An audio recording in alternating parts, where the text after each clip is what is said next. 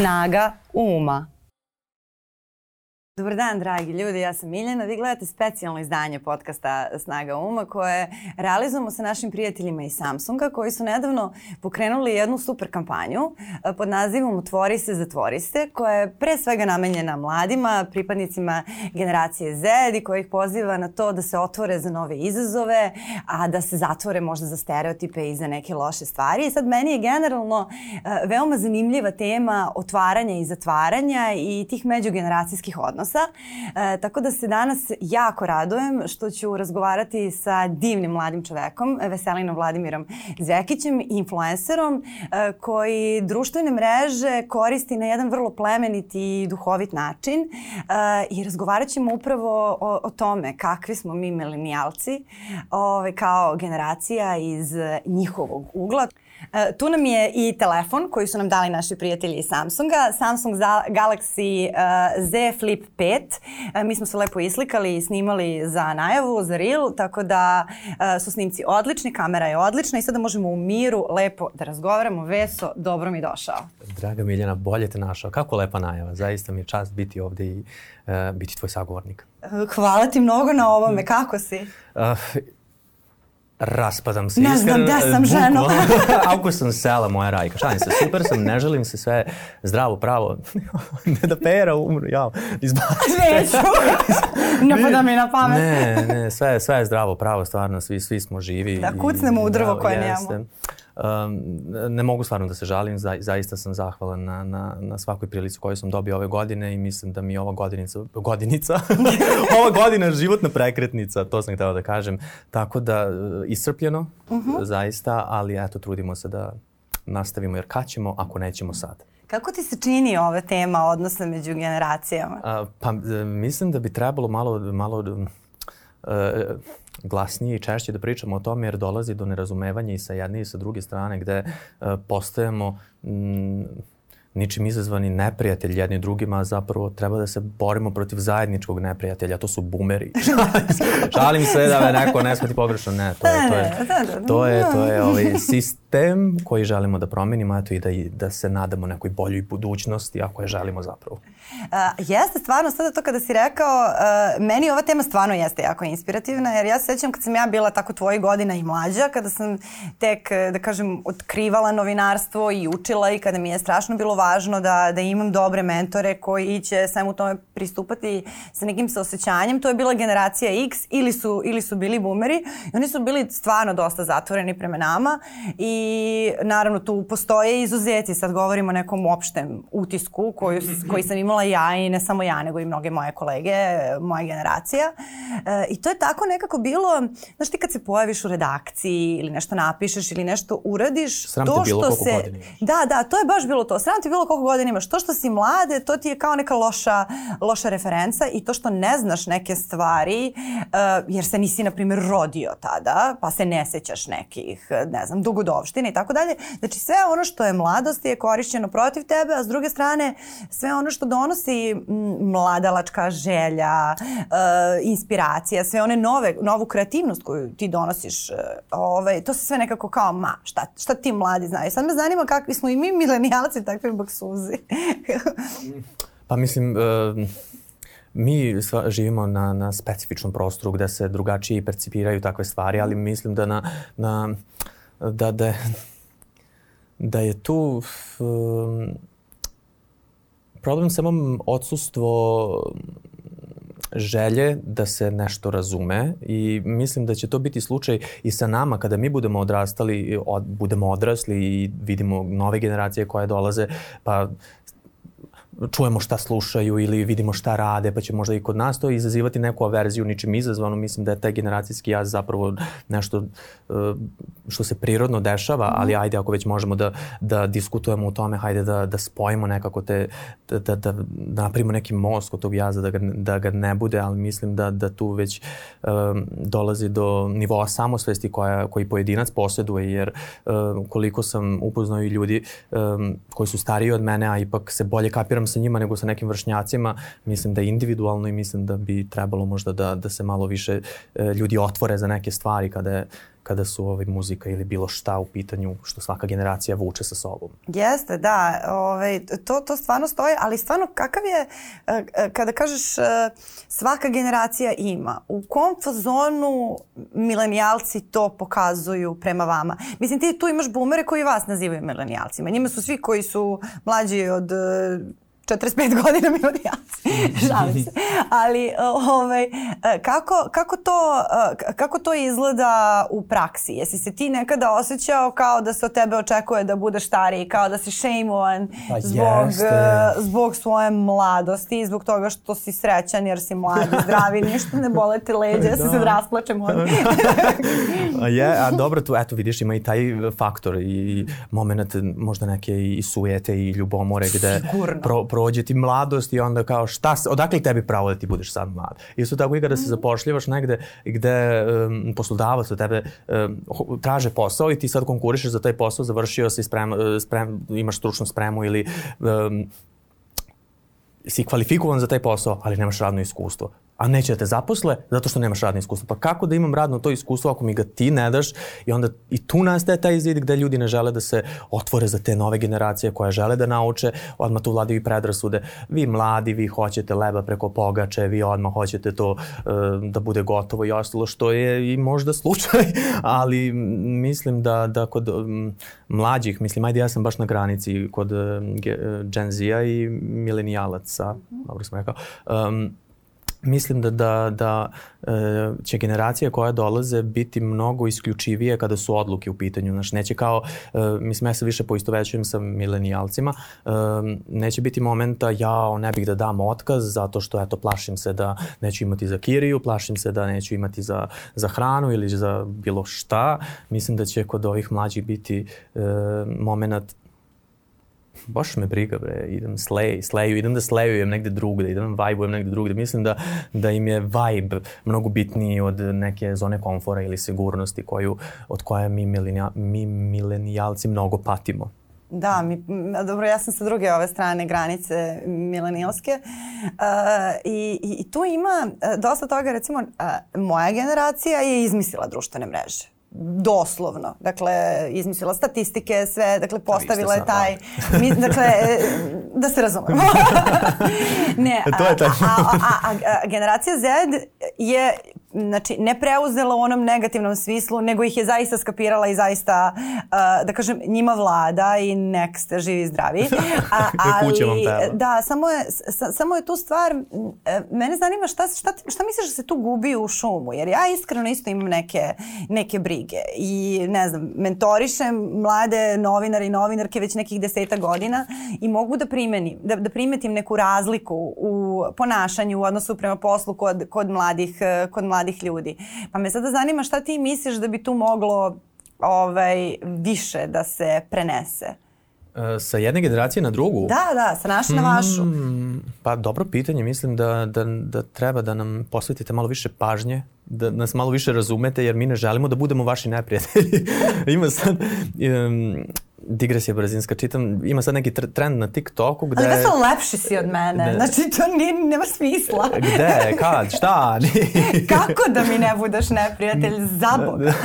I, ima neki trend na TikToku gde Gen Z e, sprda, sprda mislim, da? mogu da koristim da, da. tu reč, uh, milenijalce, kad se snimaju kao za, za TikTok ili za neke dobro, društvene dobro, mreže, nevažno, kao uh, staje telefon i kliknu snimanje i onda ima ona kao pauza. Da, Znaš, da. Ono, kad snimaš onda kao uradi neki trend pa kasni zvuk i sinkronizacija zvuka sa, sa otvaranjem usta i um, pokretima kao malo bez veze izgleda, pa ih on ne sporedijo s tem. Onda milenijalac je nam prokomentarisao kao, šta se vi sad kao um, pravite važni sa nečim što smo mi dali, vi reciklirate naše mimove, vi reciklirate sve ono što smo uh, mi izmislili i stvorili sad ste vi začetnici nekog novog pokreta, zapravo samo reciklirate ono što je već smišljeno. Tako da, eto, taj, uh, fali nam samo jedan most gde ćemo uh, uzeti ono uh, najbolje od milenijalaca, od, od starijih generacija koje su, eto, sažvakale nešto što su im ostale, uh, ostavile druge generacije na malo, naš, teži, destruktivni toksični. toksični način u nešto malo konstruktivnije, lako stvar, mislim lako stvarljivo, konstruktivno i, i i pozitivno, pa da to uh, preuzmemo, da, da um, pretočimo u nešto bolje što će novim generacijama, mislim tako je negde moja zamisla nekog zdravog evoluiranja gde ćemo samo izlačiti nešto konstruktivno i lepo, gde ćemo budućim uh, generacijama malo olakšati put i ostaviti možda i, i lepši svet. Ja sam baš imala recimo drugačiji utisak. Ja sam imala utisak da moja generacija na vašu stavlja preveliki pritisak u smislu prevelikih očekivanja. Jer smo mi kada smo bili mladi imali taj jedan užasno patronizujuć moment gde kao to ti ne znaš ništa, ništa tvoje ne valja, ti moraš da slepo pratiš, slepo slušaš i tako moraš da se dokazuješ. A da, da je možda jedan deo moje generacije baš kao toliko pritiska stavlja i toliko očekivanja stavlja kao gde god se vide mladi otprilike kao jao ovaj, da, da, da, da je malo previše, da je možda previše očekivanja i da onda kada ste vi samo mladi e, da se razočaramo jer e, kao da očekujemo da nas spasete. ne, ne znam. To, to je neki moj utisak bio kada sam, kada sam razmišljala o tome. Viš kako je drugačije, koliko su sva stvari iskustva individualna. Mislim, mislim, ja ne bih voleo da to bude slučaj kod nas. Zaista bi me, ja, ja ću se truditi, evo, neka ovo bude testament toga, trudit ću se da, da stvarno i razumem i, i, i, i setim se svega kroz šta sam ja prolazio uh, kada, kada, to budu, kada budu dolazile generacije posle mene, ali mislim da, da generacije pre nas uh, zaboravljaju ka, kakvi su oni bili u mladosti, šta se njima dešavalo u mladosti, kako su oni procesuirali sve te informacije i život tada i mislim da, da tu dolazi do, do uh, otuđenosti jer smo mi generalno jako zaborava narod, pa je možda to faktor koji utiče na, na formiranje e, nekog mišljenja tada, ne, tih, tim, tim ljudima. Jeste, to je istina. Mnogo je teško osetiti se.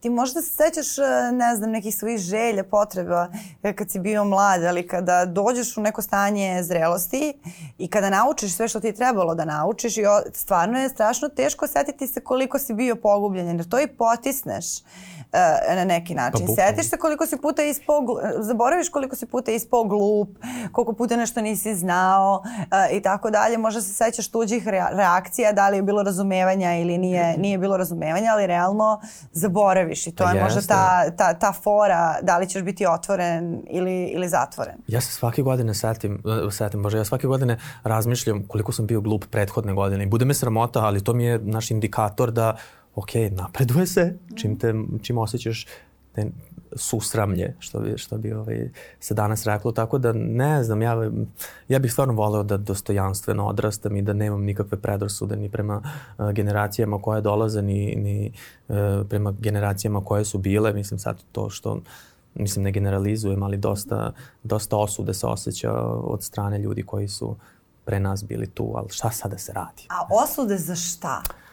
Pa za sve. Za to što smo mladi, što smo živi, što uh, nećemo da radimo posao koji nas ne plaće dovoljno, što nećemo da, da trpimo torturu na poslu, što, što nećemo da trpimo torturu generalno u životu, što nećemo da, da, da, nas, da dozvolimo da nas neko gazi, da, da, da neko utiče na našu psihu, na naše odluke, na naše mentalno zdravlje, na sve ono što čini jednu zdravu jedinku. Ne želimo da, da, da nas urnišu ljudi, I mislim da je to moment koji kod njih e, izaziva, e, aktivira sujetu gde šta sad ti nećeš, a šta sam ja morao sve da trpim da bi ja sad ovde napravio nešto super, ja ne diskreditujem tvoj trud i rad, ali e, živimo u 21. veku gde na, na malo drugačiji način, ne, bez nekog fizičkog napora možeš da sagradiš nešto što su oni sagradili sa 10 prstiju i onda tu dolazi do nerazumevanja, ti nisi to sa svojih 10 prstiju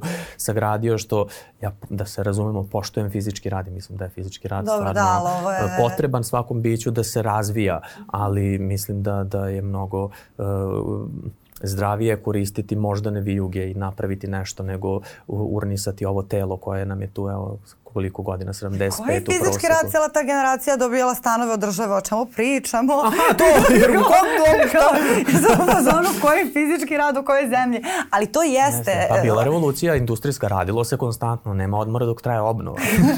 ali dobro, to, to se stoji, ali uh, opet s druge strane, uh, mislim da uh, ja, ako me nešto uduševljava, ako mi stvarno puni srce, to je kada vidim mlade ljude koji već sa 22-3 godine uh, su odradili ne znam koliko tura terapije, koji su obradili sve u detinstvu što im nije odgovaralo, koji su na neki način sebe prevaspitali prema sobstvenim potrebama, prispitali sve vrednosti, koji tačno znaju i koje su njihove vrednosti, koje su njihove potrebe, koje su njihove potrebe u ljubavi. Uh, Razbijanje generacijske da. kletvi. U mojoj generaciji je to bilo nešto do 30. ali recimo već pre, pre moje generacije ja znam žene od 50 godina koje nisu bile ni blizu toga, koje tek sa 50 godina u stvari osvajaju sobstvenu e, emocionalnu sigurnost e, i, i svoju snagu i to sve i tebi prođe život e, u, u nekim stvarima koje su stvarno, meni je iskreno puno srca kada vidim mlade ljude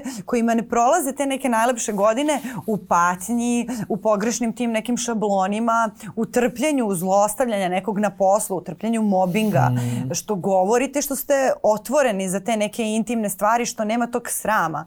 S jedne strane loše je što nema srama jer ima besramlja, a, a s druge strane je predivno što e, nema srama za ove neke stvari koji su tuđa sramota. Vi se ne stidite da ukažete na tuđu sramotu, to je stvarno predivno. Da, predivni smo.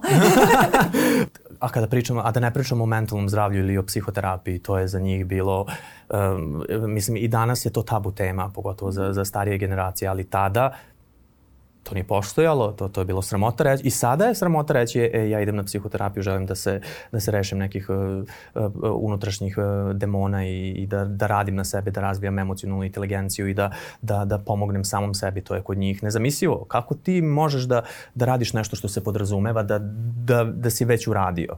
Idi lepo kopaj njivu, idi lepo, mislim, rad je beg od susreta sa, sa, sa svojim demonima i problemima, ali uh, je nešto što, što definitivno treba da se promeni, pogotovo sa dolaskom novih generacija, jer neće nas škoditi nikom. Mislim da, da, da ljudi toliko vladaju predrasudama kada su te terapije u pitanju, jer prvo nemaju ni pojma o čemu se tu radi, ne kapiraju da, da to ne samo da, da, da pomaže tebi, već pomaže i društvu, jer ćeš ti drugačije da se ophodiš, drugačije ćeš i svest da imaš, drugačiji ćeš nivo samo svesti da otključaš na, na tim seansama gde ćeš i da, da budeš i društveno odgovoran, gde ćeš da budeš empatičan, gde ćeš da budeš saosećajan i želiš da pomožeš i ljudima i životinjama i, i, i, i tako da doprinosiš i ovom društvu i ovom sistemu i, i svemu oko tebe, ali dobro, to je već dubioza o kojoj ni nemamo vremena da pričamo, ali mislim da eto to je upravo nešto što e, će biti svakodnevnica u budućnosti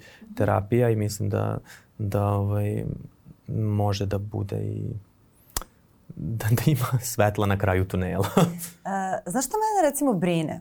Kod, kod, e, ne samo kod tvoje generacije, nego generalno kod generacija koje su odrasle uz brzi internet, pametne telefone i sve te stvari. E, ta sklonost briefu i neudubljivanje u znanje e, iskreno. Ne u smislu onog šejmovanja, nego uh, prosto znam kako je izgledao sistem obrazovanja u tom periodu kada se moja neka generacija i generacije pre moje kada smo se, kada smo se obrazovali. Dakle, mi smo uh, izvežbani bili da pamtimo ogromnu količinu informacija. Sada neki su te informacije samo pamtili, neki su ih obrađivali, analizirali i tako dalje.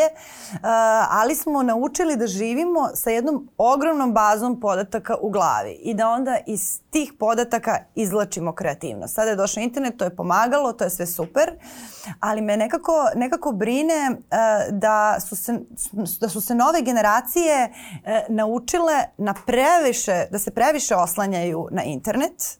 Uh, I da, tebi kada neka informacija treba, ti ćeš se informisati ili ćeš pozvati nekoga, ali to je na nivou briefa, nije na nivou znanja. A kada nije na nivou znanja, ti ćeš onda sve tvoje ideje i sva tvoja kreativnost neće, neće uzimati to sve u obzir, jer ti to što imaš na internetu ne može da ti stvori neku ideju, ne može da te, da te povuče na kreativnost. Tako sam se lepo izrazila. I ako me recimo nešto brine, e, kada, kada pričam o mladim ljudima sa kojima radim, ja to vidim, često se dešava, ne znam, treba da se radi neki intervju i oni kao me pozovu, e sad treba da intervjuišem ovoga ili onoga, ispričaj mi, kao budi moja Wikipedia. I nije meni to problem da, da ja sada dam brief nečiji lik i delo, smernice, ali ako, se, ako to postane praksa, uh, onda E, pa, da, de, onda, onda e, će doći za, za 10 godina u tu situaciju da mu neće ni pasti na pamet priča, da mu neće pasti na pamet intervju sa nekim, zato što on u svojoj bazi to nema. Sve je na bazi brifa. To me brine. Ako me nešto brine, to me brine i ja sad moram to da kažem sa tobom zato što to govorim iz pozicije ljubavi i konstruktivnosti, a ne iz pozicije ništa ne znate. Jeste, ti imaš... I to, je do, to je do sistema u kom ste vi odrastali. Niste se sad vi dogovorili, rešili, mi ćemo sad da se brifujemo ceo život. Ne, jeste, upravo si, imaš jako validnu, pali, uh, imaš validnu poentu i to, i to je um, stvarno slučaj.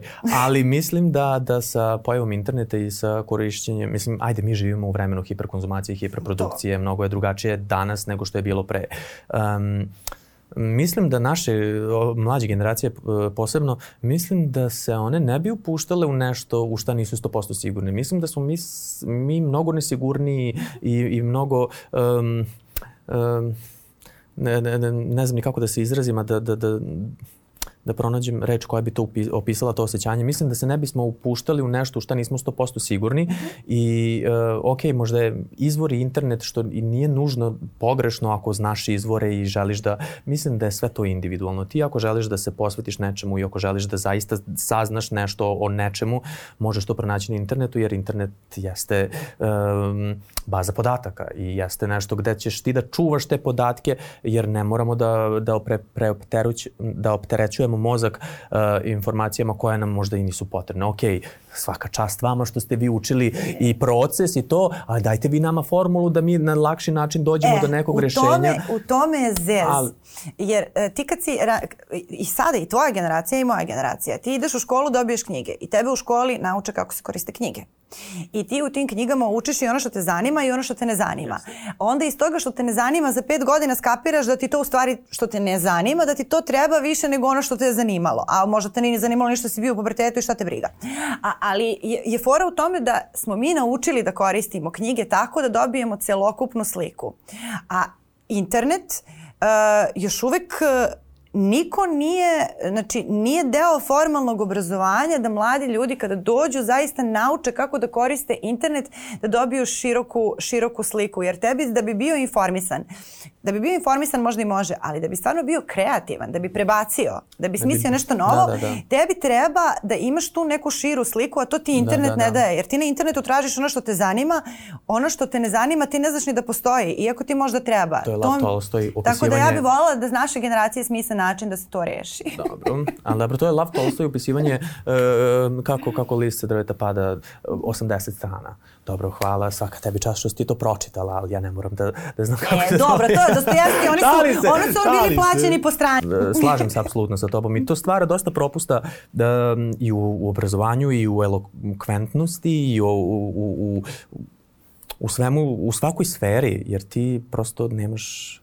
nema, nemaš ni reference, nemaš ni, ni, ni neku pozadinu kredibilnu da, da, da potkrepi to što pričaš. Nemaš potkovano mišljenje, apsolutno. Ali na internetu mislim da ako želiš zaista da, da, da saznaš nešto, možeš da, da pronađeš i um, um, ne samo informacije, već čitav rad naučni, na primjer, ili nešto što ne znam, bi se u vaše vreme iscimala da odeš do biblioteki ili do rektorata, ne znam gde, gde već ne, da, da pronađeš nekog ili da pitaš nekog. U manastir da prepišem da, knjigu, da, Veso, da, ajde, sada, da, da odemo već u krajnost. Uništi me.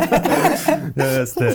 Ali dobro, mislim, ja se, mi se izvinjavamo što nam je lakše, ali... Ne, ne, ne, da uopšte ne mislim na to, ali mislim da, da, da će, da kažem, što se tiče vaše generacije, sigurno tu da se, da se izdvoje, jer uvek oni koji imaju znanje na kraju kraju se izdvoje čak i ovim nekim sistemima gde se znanje možda ne ceni, oni koji budu uspeli da, da pronađu tu meru, uh, jer nije, nije dovoljno znati samo ono što te, što te zanima, onda kada, kada naučiš sve ono što te ne zanima u vezi sa tim što te zanima, onda stvarno možda kao pomeraš neke stvari. Ako za nešto mogu da kažem da, da je okej okay od ove naše, što bi volila da prenesem, to bi, to bi bilo to. A što se vaš tiče, volila bih da nam prenesete količinu kolagena u koži, kostima. Da.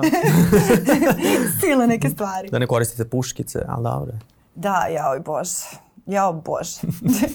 ne, ali sad kad smo, kad, kada smo kod otvaranja, e, nismo se dovoljno posvetili uh, onome što ti radiš, što je zaista, što je zaista divno. Uh, imaš uh, ogroman broj pratilaca i ljudi koji te podržavaju na, na društvenim mrežama, a ti se zaista ne baviš onim uh, senzacionalizmom koji je pogrešan. Sve tvoje poruke su zaista tople i nekako si mi baš e, primer koji vraća veru u to da eto može nekom toplom emocijom, nekom satirom, nekom prijatnošću da se zaista napravi uh, i veliki uspeh i da se privuče veliki broj ljudi i da ne moraš da budeš zao i da šejmuješ nekoga i da hejtuješ ili kako se to već kaže, ovaj, da, da, da bi sada akumulirao veliku energiju. To, to je stvarno divno. Hvala. Hvala, neprijatno mi je, ne znam, jako mi je čudno kada slušam tako da, da neko priča o tome, ali uh, hvala zaista.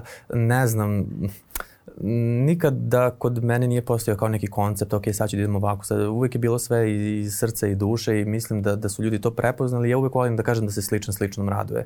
I stvarno mi, kada, kada upadnemo u tu neku dubiozu gde, ono, gde mi živimo, šta mi radimo, kako mi živimo, znaš, ono, upadnem u neki bedak, ali se onda trgnem i vidim da, da postoje ljudi slični meni koji zaista neguju sve ovo što si nabrojala i onda mi malo bude toplije. I mislim da, da smo, eto, se našli tu jedni za druge druge, jer um, ima prostora za svakoga ovde, a onaj način koji si malo pre spomenula, degradiranje bilo koga, hejtovanje, to je najbrži način da ti dođeš do neke pažnje, ali um, kada nešto gradiš i kada nešto, uh, kada posvetiš i kada su ti namere utemeljene na, na pravim univerzalnim vrednostima, aludiram na ljubav i saosećajnost i empatiju, uh, možeš da dopreš do velikog broja ljudi koji gaje iste te vrednosti i meni je stvarno zahvala. Ja i dan danas nisam siguran da, da siguran, svestan da, da ovaj, me prati toliki broj ljudi i da ja radim ovo što radim, da ja živim ovaj život koji živim i mislim da me i ta nesvest kroz odrastanje kada je ovaj posao u pitanju i održala tu i, i da dan danas imam tu neku relevantnost, što mi je zaista drago, jer eto, nisam mislio da će ovoliko da traje, a eto, tu smo. Ne, ali stvarno je divno, ali uh, mislim da je, je jedan od razloga možda zbog čega se ljudi toliko povezuju sa tobom jeste zato što ti stvarno si otvoren. Zaista si otvoren. A sad, ono što sam htela da te pitam, uh, to način na koji si ti otvoren je intima ti jesi govorio o nekim svojim vrlo intimnim doživljajima, tužnim situacijama i sve, ali čak i ove duhovite stvari jesu tvoja intima. To je neka tvoja privatnost ovaj, na, na najbolji mogući način. Ti stotini hiljada ljudi tretiraš maltene kao da su prijatelji da, koji ti dolaze, da. dolaze u kuću. Kako to utiče generalno na tvoj intimni život kada te stotine hiljada ljudi imaju osjećaj kao da te poznaju i činjenica je da imaju osjećaj da te poznaju možda više nego svoje kolege, komšije i neke ljude koje viđaju svaki dan. To mi je mnogo drago i to, i to je baš efekt koji sam ne želeo da postignem, ali uh, kada bih mogao da biram, birao bih taj efekt jer i danas, mislim, na ulici kada sretnem nekog, to nije ono klasično va, la, la, ludilo, nego se pruži ruka, hvala ti, pomogao si mi u nekim trenucima, što je upravo i, i, i nešto što, što, što i želim da postignem kada, kada je to otvaranje u pitanju. Um, da se ne lažemo, danas se na mrežama uh, plasira taj lažni sjaj i neke nedostižne um, um, neki nedostižni ciljevi koji stvaraju samo kontraefekat kada gled, ne, neko sa strane gleda, ne može svako da priušti, ne znam, određenu šminku, ne može svako da priušti određeno putovanje i ostalo, ali kada pričamo o nekim stvarnim E, situacijama poput, ne znam, depresije, e, gubitka e, drage osobe ili o, o unutrašnjoj borbi, ljudi se sa tim svakodnevno bore i to je nešto što možda ne mogu da podele. Ja volim da kažem isto da, da su mi ti ljudi koji su eto potpuni stranci meni više pomogli nego neko sa kim sam u srodstvu ili neko sa kim sam proveo dosta vremena, jer upravo nekad stranac može da ti bude najveći vetar, najveća potpora, najveći oslonac u životu i to mi je fenomen, ali um, um, mnogo mi je drago kada, eto, i makar na, na minut jedan, kol, dnevno mogu ljudima da, da odstranim osjećaj usamljenosti, jer svi smo mi i usamljeni i osakaćeni na sto i jedan način i neko ni nema pravu osobu pored sebe da, da podeli taj teret sa nekim, a, taj jedan minut mu možda upravo to i omogući. To je tako lepo što si sada rekao i sad sam u stvari shvatila, to možda i jeste jedna od glavnih razlika između naše generacije, jer mi smo bili formirane ličnosti kad se pojavio Facebook, a Facebooku je trebalo vreme da postane takav, pa da se pojavi Instagram, pa da se pojavi TikTok i sve, da ti zaista, da ti to postane neka dominantna platforma i da ti imaš pristup e, stotinama hiljada ljudi ili mogućnost viralnosti. A, a vama je to bilo maltene ono od puberteta, od, od početka. I tebi da, jeste prirodno da te zagrli 100.000 ljudi, dok uh, bi meni to recimo bilo preplavljujuće. Ja nemam tu vrstu, uh, da kažem, uh, pratioca na Instagramu, ali mi se često dešava da su mi uh, isečci recimo iz podcasta Pudo viralni. Uh, i uh, preplavi me. Ta količina ljudi me preplavi jer to, ja sam već bila formirana i nije, nije mi prirodno da, da, da imam komunikaciju sa 600.000 ljudi danas. Uh, ne, ne mogu ni da zamislim 600.000 ljudi i osetim, na emotivnom nivou osetim, pa to obradim. A, a, a kod vas, vama je to u stvari potpuno, potpuno prirodno i to je divno. Pa, to je sve razmena energije i danas živimo u... u A jel ti utiče na, tvoj, na to kakav si ti u, u tvojim pravim intimnim odnosima kada si toliko otvoren sa tolikom količinom ljudi, e, kako, kako to definišeš, jel te, jel te zatvara ili te otvara za re, ove realne hmm. odnose koji su ti u životu najvažniji? Hmm, pa možda u prošlosti da, gde, gde bih se posvetio upravo tim ljudima i društvenim mrežama gde, gde ono, se dopisujem sa nekim i to nisu samo vrge, ćao, podržavam te, hvala, nego to je stvarno neko otvaranje gde dolaze do, do, do, do um, ispovedanja gde mi se ljudi povere stvarno neke traumatične situacije koje, na koje ne mogu da ostanem mimo, ne zato što um, ne želim, nego zato što ili se osjećam ili stvarno um, me pogodi toliko da, da moram ne, nešto da, da uradim, da pomognem toj osobi, um, crpi energiju crpi energiju i, na primjer, posle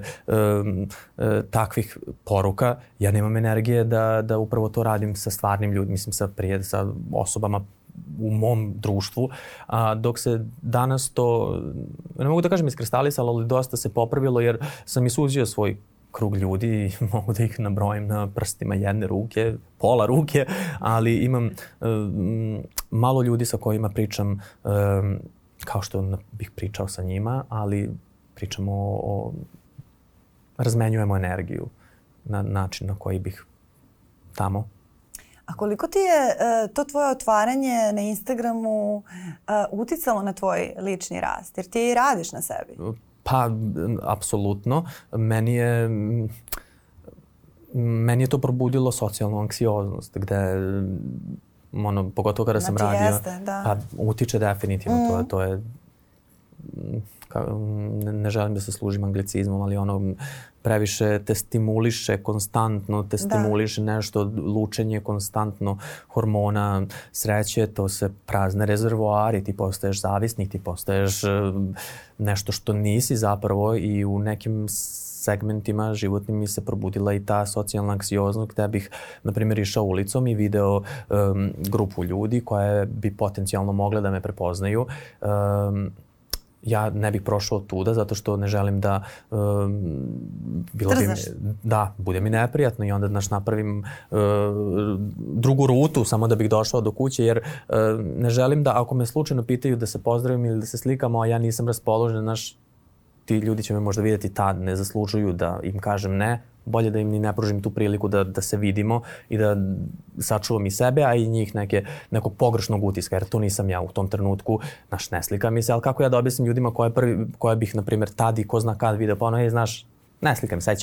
Ne, drugi put i tako, znaš, pronalazim mehanizme kako bih se odbranio od toga i učim da živim sa tim. -hmm. e, mislim da, da nije toliko uticalo na mene jer, znaš, nisam se ni promenio, ja sad Bog zna koliko, bio sam u prošlosti dosta nepromišljen i naivan, e, naravno i sujetan i svi smo mi, e, svi mi robujemo nekim lošim i e, emocijama i navikama, ali sam se dosta toga oslobodio, dosta toga sam naučio da, da, da, da savladam ego, na primjer, i i sad mi je mnogo drugačije jer sam toliko um, radio na sebi da, da redko šta može da me poremeti, redko šta može da me izuje iz cipela, što mislim, ajde ne samo zbog društvenih mreža, nego i mahom zbog životnih situacija, ali dosta je to utemeljilo nekako mene kao ličnost. Pa svaka ti čast. No, Uh, a, ali jeste činjenica da ta otvorenost ka velikom broju ljudi te vuče u zatvorenost. Mm -hmm. To, to uopšte nije, nije naivno. To sam počela da hvatam i, i kod sebe kada tako um, imaš, ne znam, stotine hiljada pregleda na dnevnom nivou i onda, ne znam, hiljade komentara ljudi koji su ra najrazličitijih profila, što se mm. meni dešava, jer e, nije sve, nisu sve moje reči, dakle to su različiti gosti dolaze, dolaze ovde, pa su onda i različiti, različite teme, različite publike i ti uh, umeš da stekneš, možeš da stekneš utisak da je svet vrlo surovo mesto. Jer ne možeš da se otrgneš utisku, da ne znam, neki video koji ima, ne znam, 700.000 pregleda, to je ogromna količina ljudi. Neka ima 30.000 lajkova. To je isto ogromna količina ljudi.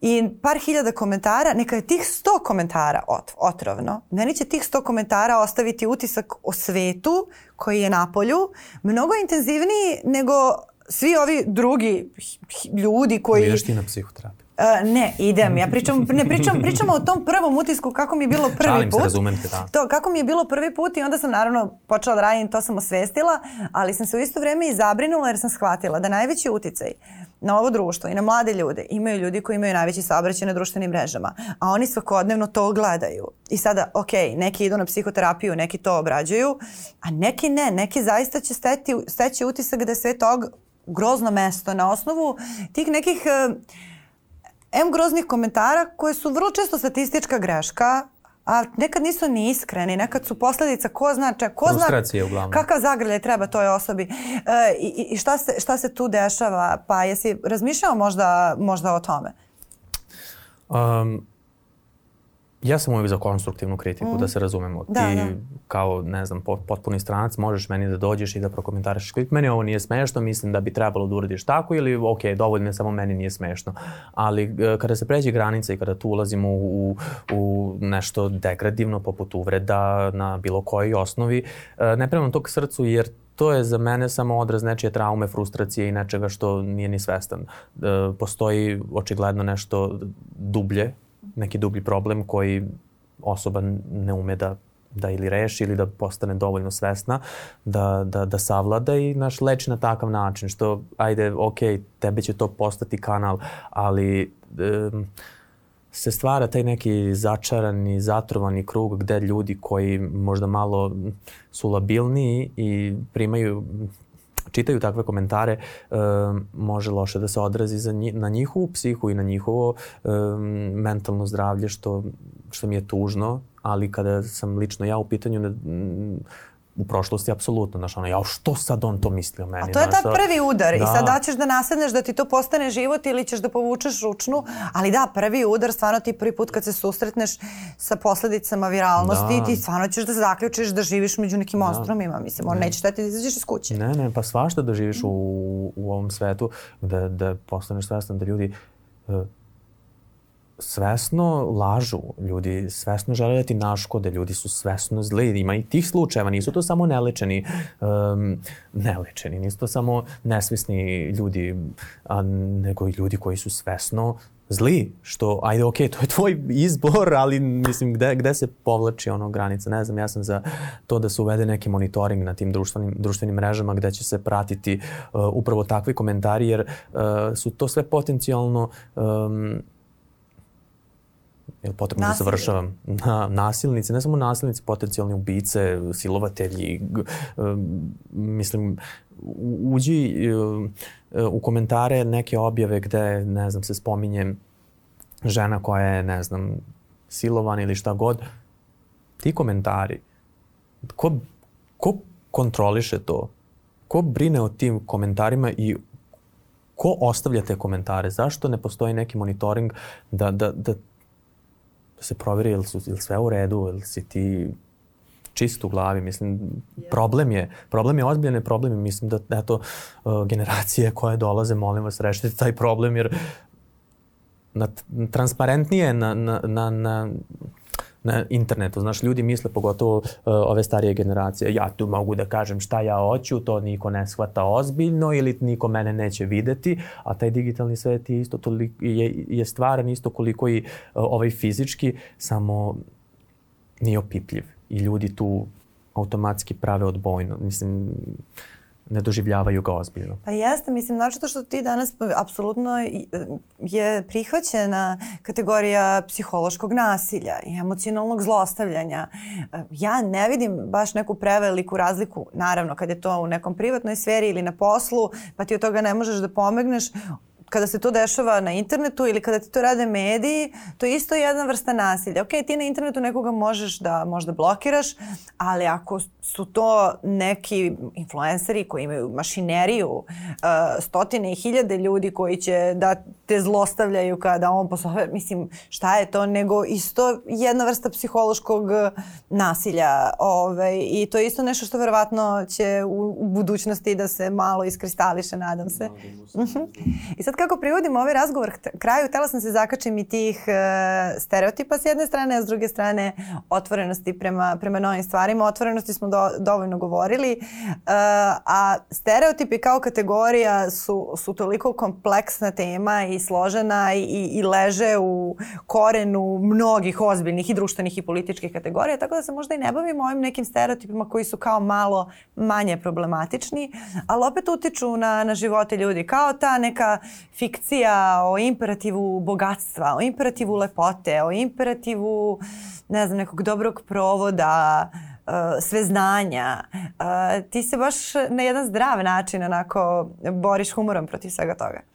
Pa, hm, ne bih rekao da to uh, striktno humor, to je, mm. znaš, ima i tu i satire i, da, da. i hiperbole i ja, ja volim da, da hiperbolizujem situacije iz svakodnevnog života, jer upravo te situacije koje se svakome dešavaju, uh, drugačije ih sva, svako od nas doživljava, na primjer, um, gde pokrivam temu raskida, mome, mislim, ajde raskida, gde momak i devojka raskinu.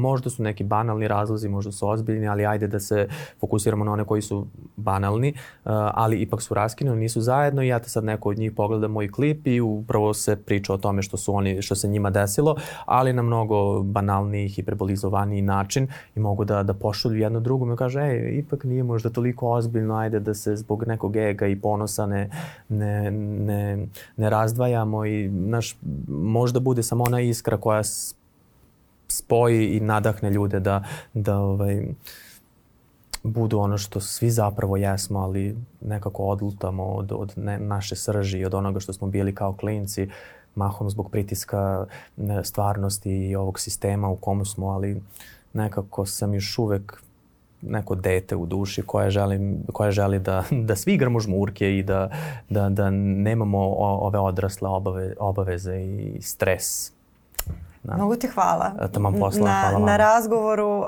ja se slažem sa tobom, čak sam nešto skoro pričala kako bi bilo super da se otvori vrtić e, za odrasle, jer uh, u redu je i treba da budemo odgovorni, moramo da budemo odgovorni, ali to ne znači da ne treba da se, da se igramo, jer ako se ne igramo, onda će ta potreba da, no, da nam ode u neku drugu stranu, uh, bit ćemo neodgovorni. Ove, i, i pravit ćemo probleme i, i sebi i, i onim ljudima o kojima bi trebalo da brinemo ovako to igranje žmurki između četiri vatre, sve što je igra, mislim da nema ništa lekovitije. Ne, pa to nam je srž, to je srž duše. A kad ljudi to skapiraju na, na tom, toj nekoj uh, razini, mislim da će nam možda i biti malo bolje. Ništa, zove na žmurke kad Dogovorimo. Uh, hvala vam, gledali ste specijalno izdanje podcasta Snaga Uma koju smo realizovali sa našim prijateljima iz Samsunga. Uh, nadam se da vam je ovaj razgovor prijao, da ste malo se otvorili možda za neke nove ideje, nove uh, avanture, a da ste se možda zatvorili za, za neke otrovne poruke koje dolaze, dolaze do vas, jer život je zaista kratak i kao što je moj dragi, divni gost rekao, treba više da se volimo, više da se razumemo i više da se igramo.